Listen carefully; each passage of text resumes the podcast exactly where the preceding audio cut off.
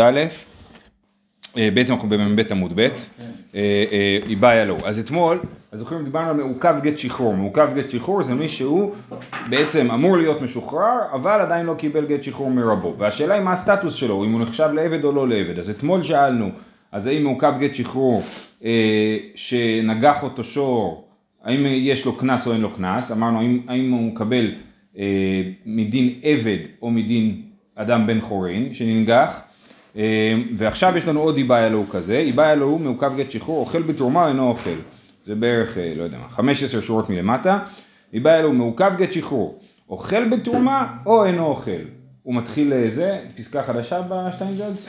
כן. כן, אוקיי. אוכל בתרומה או אינו אוכל, קניין כספו אמר רחמנה, ואליו קניין כספו, כן, מה ההגדרה של מי שאוכל, כתוב בפסוק וכהן כי יקנה נפש קניין כספו, הוא יאכל בו, ויליד ביתו הם יאכלו בלחמו. אז, אז העבד שמעוכב גט שחרור, האם הוא עדיין נחשב לקניין כספו של האדון, של הכהן, ויכול לאכול בתרומה כמו האדון הכהן שלו, או שלא. כן? אז מעוכב גט שחרור אוכל בתרומה אינו אוכל, קניין כספו אמר רחמנה, ואליו קניין כספו, הוא כבר לא קניין כספו, או דילמה, כיוון דמחוסר גט שחרור, קניין כספו קרינה בי, עדיין הוא כן נחשב לקניין כספו. תשמע, דאמר רב משרשיה, שזה משונה שזה הרב אמר רב משרשיה כיוון זאת משנה, כהנת שנתערבה ולדה, נתערב ולדה בוולד שפחתה. יש לנו בלגן. כהנת, כן זה מרבי נחמן. אז זה כהנת שילדה ביחד עם השפחה שלה. אז יש להם עכשיו שני ילדים והם לא יודעים מי בין השפחה ומי בין הכהנת. אז מה יעשו?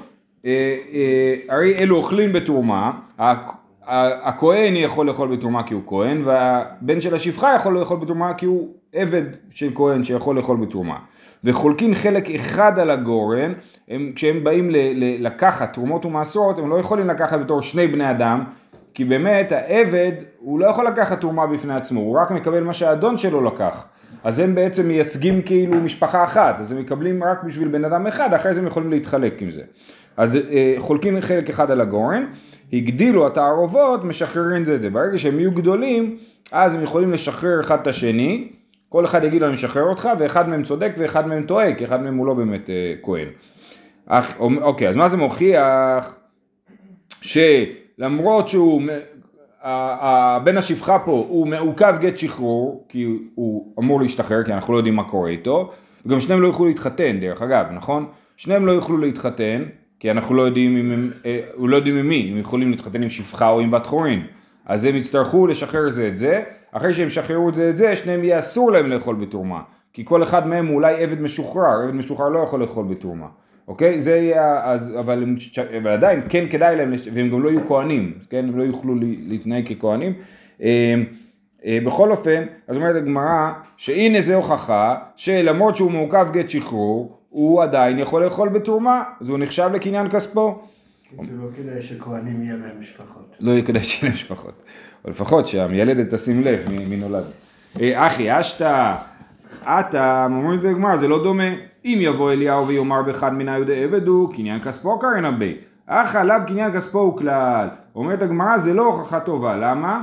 כי בסופו של דבר זה רק חוסר ידיעה שלנו. יבוא אליהו הנביא ויגיד, אני יודע לומר שזה בין השפחה וזה בין הכהנת, או נגיד לדוגמה, הוא יהיה אחד, אז, אז, אז, אה, אז אנחנו נאמין לאליהו הנביא ונגיד הנה זה בין השפחה, אז הוא לא נחשב למעוכב גט שחרור, כן? זה רק מחוסר ידיעה אנחנו צריכים לשחרר אותו, ולכן זה לא דומה. נכון שהעתיד שלו זה לקבל גט שחרור, בגלל שאין ברירה אחרת במצב של חוסר ידיעה שאנחנו נמצאים בו. אבל פה, המעוכב גט שחרור שאנחנו דיברנו עליו זה אדם שהוא באמת כבר חצי, חצי ממנו שהוא לא עבד, לדוגמה אה, מי שהפקיר עבדו, יצא לחירות וצריך גט שחרור, אז הוא כבר הופקר, הוא כבר לא, הוא כבר לא עבד. זה שאלה אחרת מאשר בן אדם שאנחנו לא יודעים אם הוא העבד או הוא האדון. ולכן זה לא דומה, אין לנו הכרעה, עוד שאלה. היא באה אלוהו, עבד שמחרו רבו לקנס, מכור אינו מכור. פה זה לא לגבי מעוכב גט שחרור. יש עבד, אמרנו שעבד מקבל, אה, אם אה, הזיקו את העבד, אז אה, האדון שלו מקבל 30 שקלים. עכשיו האדון עושה עסקה באופציות עם בן אדם אחר, ואומר לו תשמע, אתה תשלם לי, ואם מישהו יפגע בעבד שלי, אם שור יפגע בעבד שלי, אתה תקבל את הקנס. אז תיתן לי עכשיו 10 שקל, ויש לך סיכוי להרוויח מזה 30 שקל, זה רווח של אה, 300 אחוז, כן? אבל זה סיכון גבוה. אז זה השאלה אם זה עובד או לא, ובעצם מה השאלה? השאלה אם אדם יכול להקנות דבר שלא בא לעולם. הקנס הזה לא בא לעולם, אולי יהיה קנס, אולי לא יהיה קנס, אנחנו לא יודעים. והאם השאלה אם באמת אפשר להקנות דבר כזה שהוא עדיין לא נמצא בעולם. וזה בעצם מחלוקת תנאים. האם אדם מקנה דבר שלא בא לעולם, זה מחלוקת תנאים. אז אומרת הגמרא, היא באה אלו עבד שמכרו בו לקנס מכור אינו מכור. תיבאי לרבי מאיר, תיבאי לרבנן. תיבאי לרבי מאיר שאומר שאדם כן יכול להקנות דבר שלא בא לעולם, עדיין זה לא דומה. למה? עד כאן לא קמה רבי מאיר אדם מקנה דבר שלא בא לעולם, אלא כגון פירות דקל. דאבידי דעתו, אני אומר לך, תקנה ממני את כל היבול שיהיה לשדה שלי השנה, את הפירות של הדקל. דקל כל שנה נותן פירות, אני יכול להגיד לך כבר בחשוון שהדקל זה יהיו לו פרחים, אחרי זה יהיו לו פירות, כמו כל עץ, כן? אז זה, אדם מוכר דבר שלא בא לעולם, דבר שהוא יבוא בוודאות. אבל אצלנו אחא, מיימר דמינגח, אם תמצאו לו דמינגח, ממאי דמשלם, דילמה מודה ומפטר, כן? אז א', אנחנו לא יודעים בכלל אם ינגח אותו שור, יכול להיות שהוא יזכה לעבור את כל חייו בלי ששור ינגח אותו, זה אחד. ושתיים, אפילו אם ינגח אותו שור, זה נחשב לקנס. ויש לנו כלל שמודה בקנס פטור. אז אם יבוא הבעלים של השור ויגיד אני מודה, אני באמת מצטער, השור שלי נגח את העבד, אז הוא לא יצטרך לשלם את הכסף. מתי הוא יצטרך לשלם? רק אם הוא לא מודה ויבואו עדים ויגידו אנחנו ראינו שהשור נגח את העבד. אז אה, בכל אופן מה שיוצא מזה שהסיכוי שהוא יקבל את הקנס הוא מאוד מאוד לא ודאי ולכן אי אפשר למכור את זה. זאת אומרת בגלל שזה סיכוי לא גבוה שיהיה קנס, שיהיה תשלום, אז אי אפשר למכור. דבר ש... רש"י רבי מאיר אמר שאדם מוכר דבר שלא בא לעולם, זה דבר שיגיע בוודאות, אבל הוא עדיין לא נמצא פשוט. ועל זה רבי מאיר אמר, ולכן זה לא דומה, ויכול להיות שרבי מאיר מודה במצב הזה שאי אפשר למכור את הקנס, את האופציה של הקנס. ותיבאי לרבנן, גם רבנן שאומרים שאדם מקנה, לא מקנה דבר שלא בעולם, אפשר להגיד שהם מסכימים פה שכן. עד כאן לא קאמר רבנן אין אדם מקנה דבר שלא בא לעולם, אלא כגון פירות דקל. דהשתא מיהא ליתנהו, אין בכלל פירות דקל עכשיו, אין לקניין הזה על מה לתפוס, כי אין פירות בעולם עכשיו. אבל הכא, הא קאי שור והא קאי עבד. השור שהולך לנגוח כבר נולד, העבד כבר כאן. אז כן אפשר לקנות, אני קונה בתוך העבד הזה את האופציה שהוא ינגח, אני לא קונה את הקנס, אני קונה את האופציה שינגחו את העבד, והעבד הוא ממשי, הוא קיים, אז אולי אפילו רבנן מודים שכן אפשר לקנות בסיטואציה הזאת.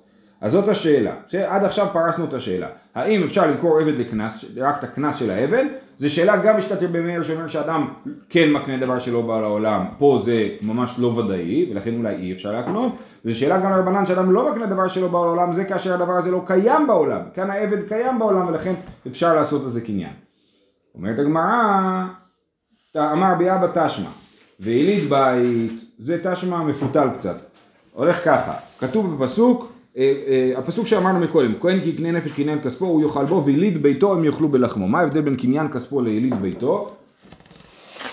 קניין כספו זה העבד שקניתי, יליד ביתו זה העבד שנולד לי בבית, זאת אומרת שיש שפחה, שיש לי שפחה שילדה, אז הילד שלה נחשב לקני, ליליד ביתו, לא לקניין כספו אלא ליליד ביתו, יש ביניהם הבדל בין דיני ברית מילה של עבדים ועוד כל מיני, אומרת הגמרא, ויליד בית, מה תלמוד לומר, למה היה צריך לחזור גם על יליד בית? הרי אם קניין כסף אוכל בתרומה, שעל זה הפסוק מדבר, אז ברור שגם יליד בית, יליד בית הוא עוד יותר אוכל בתרומה, כי עוד יותר כאילו מחובר לאדון הכהן שלו.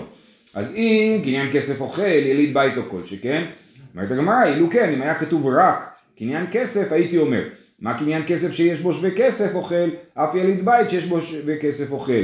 ומניין שאף על פי שאינו שווה כלום, תלמוד לומר יליד בית מכל מקום. זאת אומרת, קניין כסף הוא שווה כסף, הוא יודע שקניתי אותו, כן?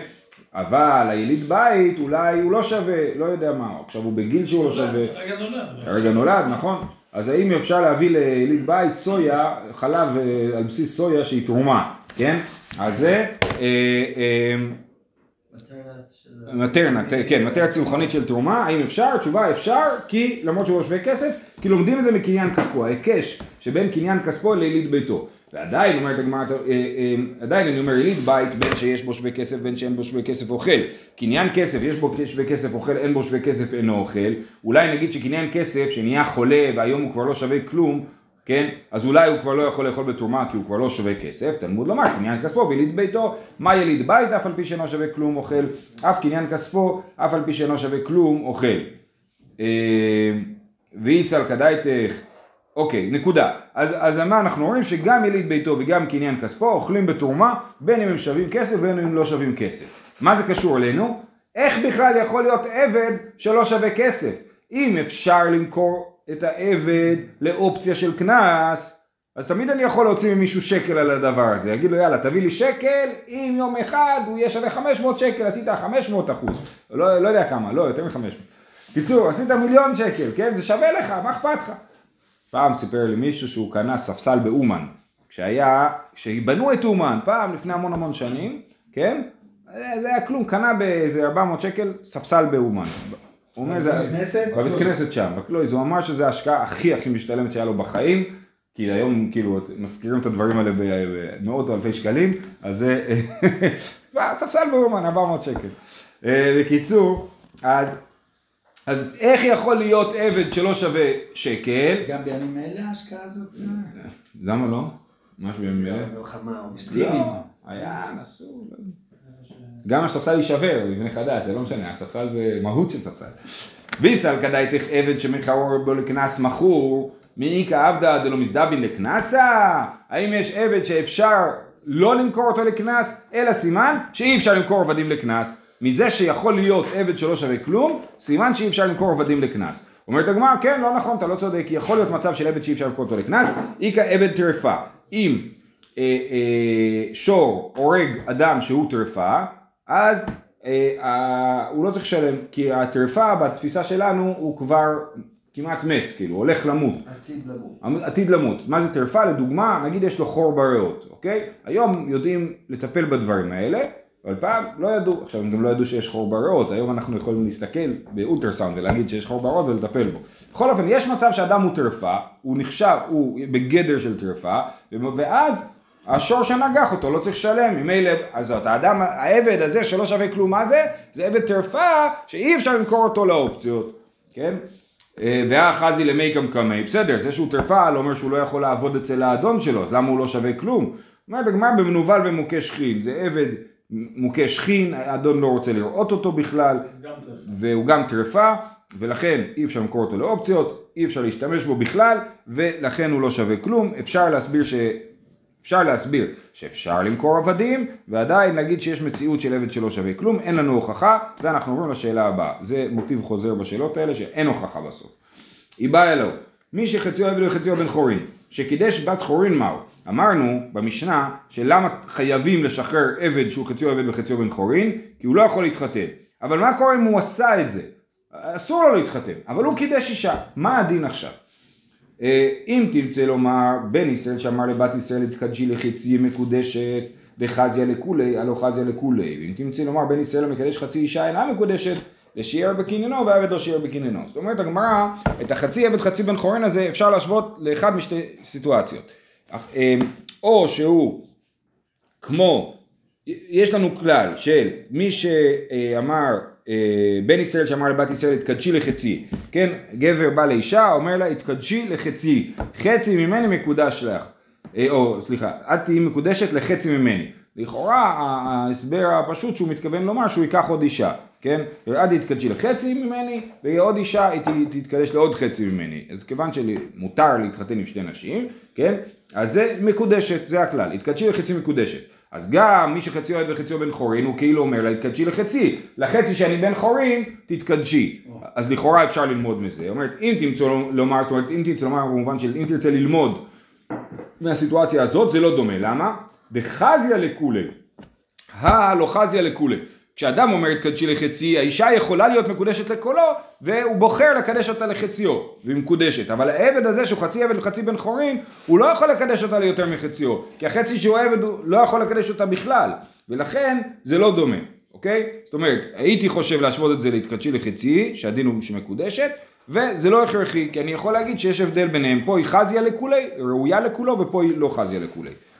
ומהצד השני, אם תרצה ללמוד מבן ישראל המקדש חצי אישה, אדם אומר לאישה, חצייך מקודש לי, היא לא מקודשת, זה הדין, האישה צריכה להיות כולה מקודשת לאיש, אז בוא נגיד, הנה זה כמו אצלנו, כמו שהאישה לא יכולה להיות מקודשת לחצייה, ככה גם החצי עבד חצי בן חורין לא יכול לקדש לחציו, כי הוא חייב להיות כולו בתוך הסיפור, גם זה לא, ואז, אז נגיד שכמו שמקדש חצי אישה אינה מקודשת, ככה גם עבד שהוא חצי בן חורין לא מקדש, זאת אומרת אם הוא מקדש זה לא עובד, אבל זה גם לא דומה, דשייר בקניינו, והעבד לא שייר בקניינו, פה האישה הוא שייר בקניינה, זאת אומרת הוא שיר חצי משוחרר, זה בעיה.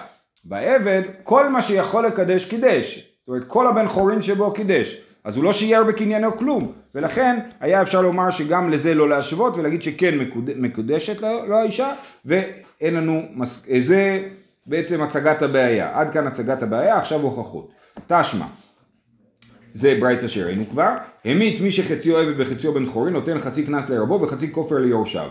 כן, אם שור אה, נגח בן אדם, עבד, שהוא חצי עבד חצי בן חורין, אז לאדון שלו הוא נותן 15 שקלים, שזה חצי ממה שנותנים לעבד, וליורשים של העבד נותנים חצי מהשווי שלו, לא חצי משלושים שקלים, כי הוא לא עבד, חצי מבן חורין. והיא אמרת קידוש לה ולקידושין יורשין מנהלי. אם אני אומר שאין לו קידושין, אז גם אין לו יורשים בכלל. איך הוא יכול, אין לו ילדים. מאיפה יהיה לו ילדים? ואם יהיה לו ילדים, מי אמר שהם יתייחסו אחריו, שיש להם ייחוס אליו? כי עבד ש, שבעל, הילדים לא, כמו גוי שבעל, הילדים לא נחשבים שלו, כן? אז גם פה, מי אמר שאין לו ילדים בכלל לאדם הזה? אז הנה אתה רואה שיש לו יורש, יורשים, סימן שאם הוא קידש אז היא כן מקודשת, זאת ההוכחה, אוקיי? אז תשמע, המית מי שחצי עובד וחצי בן חורין נותן חצי קנס לרבו וחצי כופר ליורשיו, והיא אמרת קידושיו לאו קידושין, יורשין מנהלי. אמר עבד אבר אבה, כשעשאו טרפה, ומה יורשיו נפשי. עבד אבר אבה אומר שהשור עשה את העבד טרפה, והוא יצטרך לשלם לו תשלום מלא, וכשכתוב יורשיו אין הכוונה ליורשיו, כי באמת אין לו יורשים, אלא הכוונה היא לעצמו, הוא טרפה, אבל הוא לא מת, אז אפשר לשלם לו עדיין. אז זה הכוונה. מה יורשיו נפשי? אמר רבא התשובה שלך היא גרועה משתי סיבות. אמר רבא שתי תשובות בדבר. חדא דיורשיו קטני, אז כתוב יורשיו, מה אתה רוצה להגיד לי שיורשיו זה הוא בעצמו? זה לא פשט.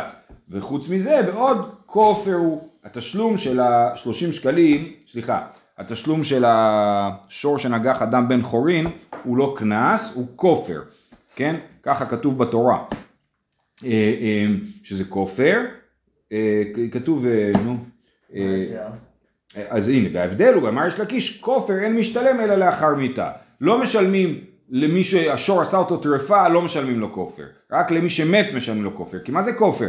זה כופר, גם יש מחלוקת, אם מביאים אם השור שלי נגח אדם והרג אותו, יש מחלוקת אם מביאים לו דמי מזיק או דמי ניזק.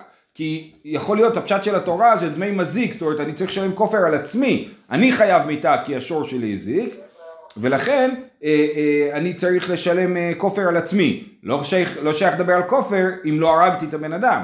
ולכן כופר אין משתלם אלא לאחר מיתה, ולכן התירוץ שלך הוא לא טוב, אי אפשר להגיד שהכוונה היא להסעות טרפה ומה יורשיו נפשי, אלא אמר רבא, ראוי ליטול ואין לו, באמת, הכוונה היא שהוא לא משלם ליורשים, אלא מן הראוי היה שהוא ישלם ליורשים, אבל אין לו יורשים, ולכן אין למי לשלם. אז מי שחציו וחציו בן חורים שהשור ננגח על ידי שור, ישלמו 15 שקלים לאדון, וכלום לאף אחד, כי אין, אין פה יורשים. אז זה אה, אפשר להסביר ככה, ולכן אה, אה, אין פה גם כן הוכחה בדין הזה של האם מקודשת או לא מקודשת. אמר רבא, כשם שהמקדש חצי אישה אינה מקודשת, כך חציה שפחה וחציה בת חורין שנתקדשה, אין קידושי הקידושים. אז עכשיו אנחנו מדברים לא על העבד אלא על שפחה, שהיא חציה שפחה וחציה בת חורין, אז מי שקידש אותה היא לא מקודשת, כי כמו שאי אפשר להגיד לה חציה מקודשת לי, נכון? לאישה בת חורין, אז גם למי שהיא חצי שפחה וחצי בת חורין אי אפשר לקדש אותה, כי זה תמיד חצי ממנה. דרש רבא בר אבונה... למה לא כמו שאמרנו? תכף, תכף נגיד, אה, אתה צודק. תכף יהיה לנו את הסברה הזאת. דש רבא בר אבונה, כשם שהמקדש חצי אישה אינה מקודשת, כך חצי שפחה וחצי בת חורין שנתקדשה אינה מקודשת, הוא דורש כמו שאמר רבא, רבא ורבא בר אבונה נדמה לי שהם שייכים לאותו דור, אמר לי רב חיסדא, מדמי, האטם שיער בקניינו, אך לא שיער בקניינו. רב חיסדא אומר לו לא, זה לא דומה. כמו שאמרת, כן? באישה שאומר חצי איך מקודשת לי, אז היא, יש חלק שהוא לא קנה. בחצי השפחה יש חלק שהוא לא יכול לקנות, כן? עכשיו ברור דרך אגב, כל מה שאפשר, כן אפשר. בדיוק, ודרך אגב, ברור שהסברה של שיער בקניינו, הגמרא שראינו מקודם, למדה את זה מרב חיסדא פה, כאילו רב חיסדא היה לפני הגמרא, כן? אמ, אז אומר, הדר הוא- כמרבא בר אבונה אמורה עלי, אז רבא בר אבונה שמע את רב חיסדא, שהיה באמת בדור של אבא שלו, רבא בר אבונה הוא בן של רב אבונה, ורב חיסדא ורב אבונה הם אותו, בני אותו דור. אז הוא חזר והעמיד ודרש מחדש, ודרש והמכשלה הזאת תחת ידיך, זה פסוק מישעיהו, כן? אז אומרים, אה, כן, כי יתפוס איש באחיו ואת אביו שמלה, לך קצין תהיה לנו, והמכשלה הזאת תחת ידיך, זה מין משחק כלים כזה, של הממשלה והמכשלה. אז הוא אומר, הנה, נפלה מכשלה תחת ידי, אין האדם עומד על דברי תורה, אלא אם כן נכשל בהן. אף על פי שאמרו המקדש חצי אישה אינה מקודשת, אבל חציה שפחה וחציה בת חורין שנתקדשה, קידושיה קידושין. כן? אז עכשיו הוא אומר כמו שהרב חיסדא אמר לו, ולא כמו רבא. מה הייתה מה? אטם שיער בקניינו, אחא לא שיער בקניינו. אמר רב ששת, כשם שמקדש חצי שנה מקודשת, כך חציה שפחה וחציה בת חורין שנתקדשה, אין קידושי קידושין. אז עוד פעם, זה נפתח מחדש, רב ששת מספר, רב ששת הוא בדור של, של לכאורה של רב הונא ורב חיסדא גם כן, כן? הוא אומר הפוך, הוא אומר כמו רבא, כן? שהיא לא מקודשת. ואם לחשכה אדם לומר איזו שפחה חרופה, אה רגע, שכחת יש דין של שפחה חרופה, מה זה שפחה חרופה? אני מזכיר, ראינו מחלוקת, לפי רבי ישמעאל שפחה חרופה היא שפחה 100% שמאורסת לעבד עברי, תכף נסביר מה זה אומר, ולפי רבי עקיבא היא חציה שפחה וחציה בת חורין, כן? שמאורסת לעבד עברי. אז אומר ככה, אז הנה, היא מאורסת לאדם. איך יכול להיות שהיא מאורסת? סימן שקידושי הקידושין, שמי שחציה שפחה וחציה בת חורין, קידושי הקידושין. אז, אז עוד פעם, אם לחשך אדם לומר איזוהי שפחה חרופה זו שחציה שפחה וחציה בת חורין, המאורסת לעבד עברי, על מבט איתרוסי, היא בת אירוסין, אפשר להרס אותה. סימן שמי שחציה שפחה וחציה בת חורין, אפשר לקדש אותה.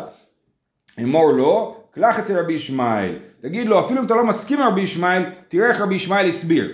שהוא אומר, ושפחה כנענית המאורסת לעבד עברי, רבי, ישמעאל אומר שלא מדובר על חצי שפחה, אלא על שפחה מוחלטת.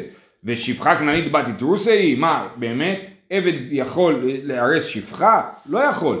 אלא מה מה היא מאורסת מיוחדת? הכנה ממה היא מאורסת מיוחדת. מיוחדת במובן שהיא מיועדת להתחתן עם עבד עברי, או מיוחדת אליו כשהאדון ייחד אותם. כן, הרי לעבד עברי מותר לשכב עם השפחה. כן? ולהוליד ממנה ולדות שיהיו לאדון.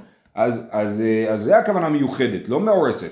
אז גם לגבי הכנה ממה היא מאורסת מיוחדת, אפשר להגיד שהחצי שפחה, חצי בת חורין, היא מיוחדת, היא לא מאורסת באמת. לכן החצ... השפחה, הדין של שפחה חרופה, אפילו לשיטת רבי עקיבא, שמדובר על חצי שפחה וחצי בת חורין, לא מוכיח שקידושיה קידושין.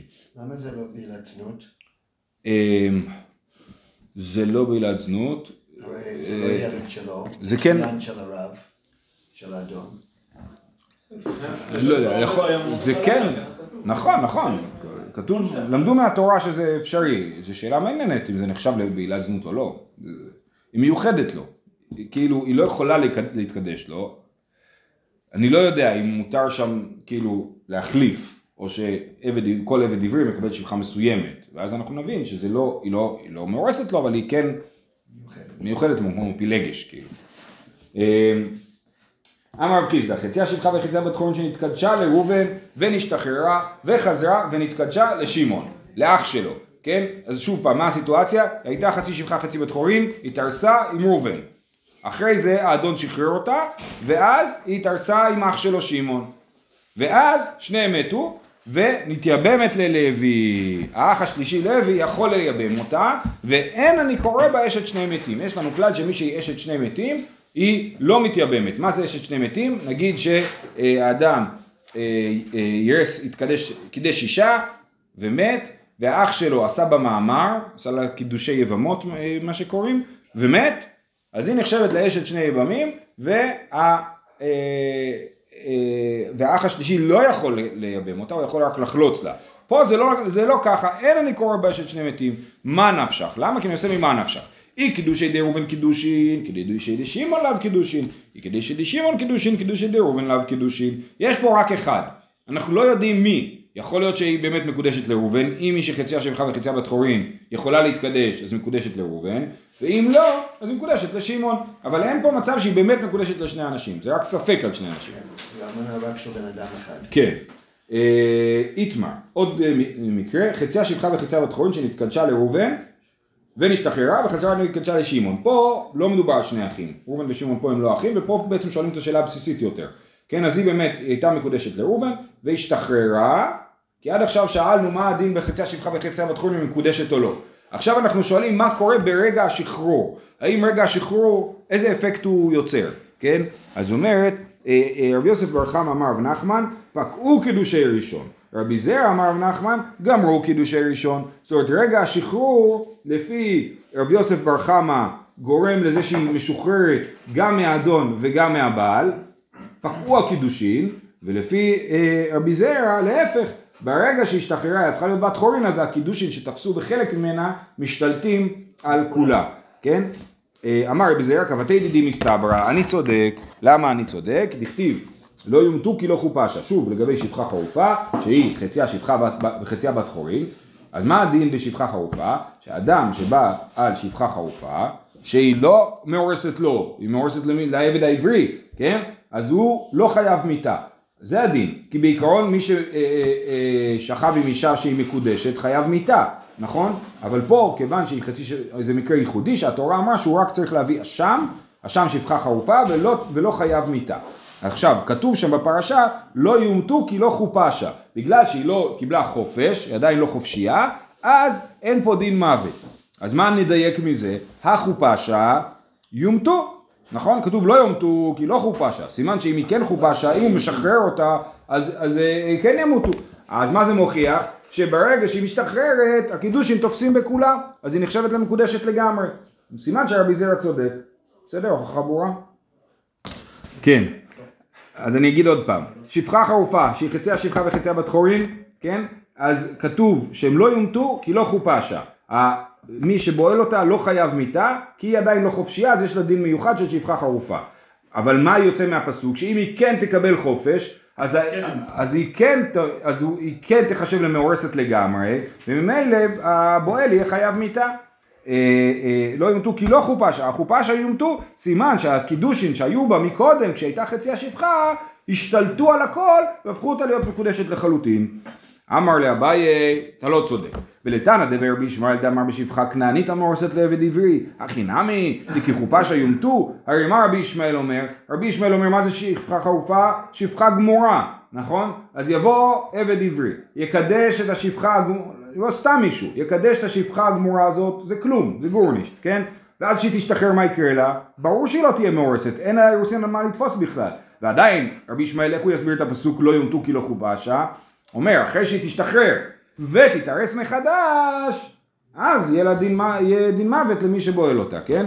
אה, אה, אז הוא אומר לו, לתנא דבר רבי ישמעאל דאמר בשפחה כנענית המאורסת לעבד עברי, הכי נמי וכי חופשה יומתו, אלא מה איתך למימר? שחופשה וחזרה ונתקדשה אחרי שהיא אה, נשתחררה, נכון? החנמי, אפשר להסביר את זה גם ב- ב- לדעת רבי עקיבא, שלא מדובר שהקידושין אוטומטית תופסים הכל, אלא אחרי שהוא חופשה, אז באמת הוא מארס אותה מחדש וזה תופס. אז לכן אין מפה הוכחה לרבי זרע שהקידושין שהיו בחציה תופסים באופן אוטומטי בכולה. כך נמי שחופשה וחזרה ונתקדשה. רק שזה לא כתוב שחופה חזרה ונתקדשה. כן, אבל כאילו לרבי ישמעאל חייבים להגיד את זה. אז כמו שרבי ישמעאל חייבים להגיד את זה, אז אנחנו יכולים להגיד את זה גם לרבי עקיבא. גם לא חידוש, למה למה צריך להגיד שכשהיא משתחררת... נכון, נכון. ברור שזה לא חידוש, אתה צודק. עכשיו אומר, אמר אבונה בר קטינא אמר רבי יצחק מעשה באישה אחת שחציה שפחה וחציה בת חורין וכפו את רבה ועשאה בת חורין. עכשיו, אנחנו במשנה ראינו ש, שאם יש מי שחציו וחציה בן חורין כופין את רבו. למה? כי הוא לא יכול לפרוט ולרבות. אבל פה היה אישה, האישה לכאורה לא מצווה בפרי ערבייה, אז היא אולי לא צריך לכפות אותה, ופה היה מקרה שכן כפו. כן, אז עוד פעם, מעשה באישה אחת שחציה שפחה וחציה בת חורין, וכפו את רבה ועשאה בת חורין. כמן, למה עשו את זה? כי רבי יוחנן בן ברוקה דאמר, על שניהם הוא אומר, ויברך אותם אלוהים ויאמר פור ורבו מילאו את הארץ. לפי רבי יוחנן בן ברוקה, גם לאישה יש מצוות פרי ערבייה, לא רק לגבר. ולכן, גם היא מחויבת לפרי ערבייה, ולכן היה חייבים לשחרר אותה כדי שהיא תוכל לפרוט ולרבות, כשהיא חציה שפחה, היא לא יכולה. לאישה יהודייה או לאישה גויה? היא חציה שפחה וחציה בת חורין. איזה מהם חייבת בפרו ורבו? אה, היהודייה, כן, זו שאלה טובה. אתה- מה שאתה אומר בעצם פרו ורבו זה גם מצווה לכולם, כאילו, נכון. אבל ה- כי אמר- אמרת אתמול, לשבת יצרה. שבט יצרה, כן, פה משתמשים בפרו ורבו, שזה כאילו מצווה יותר דרמטית. אה, אמר רב נחמן בר יצחק, לא, מנהג הפר נהגו בה, זאת אומרת, זה לא, לא כפו אותו לשחרר אותה בגלל שיש פה מצוות פרייה ורבייה לשיטת רבי יוחנן בן ברוקה, שזה משונה, אף אחד לא פוסק כרבי יוחנן בן ברוקה, למה שמישהו פתאום יחשוש לו?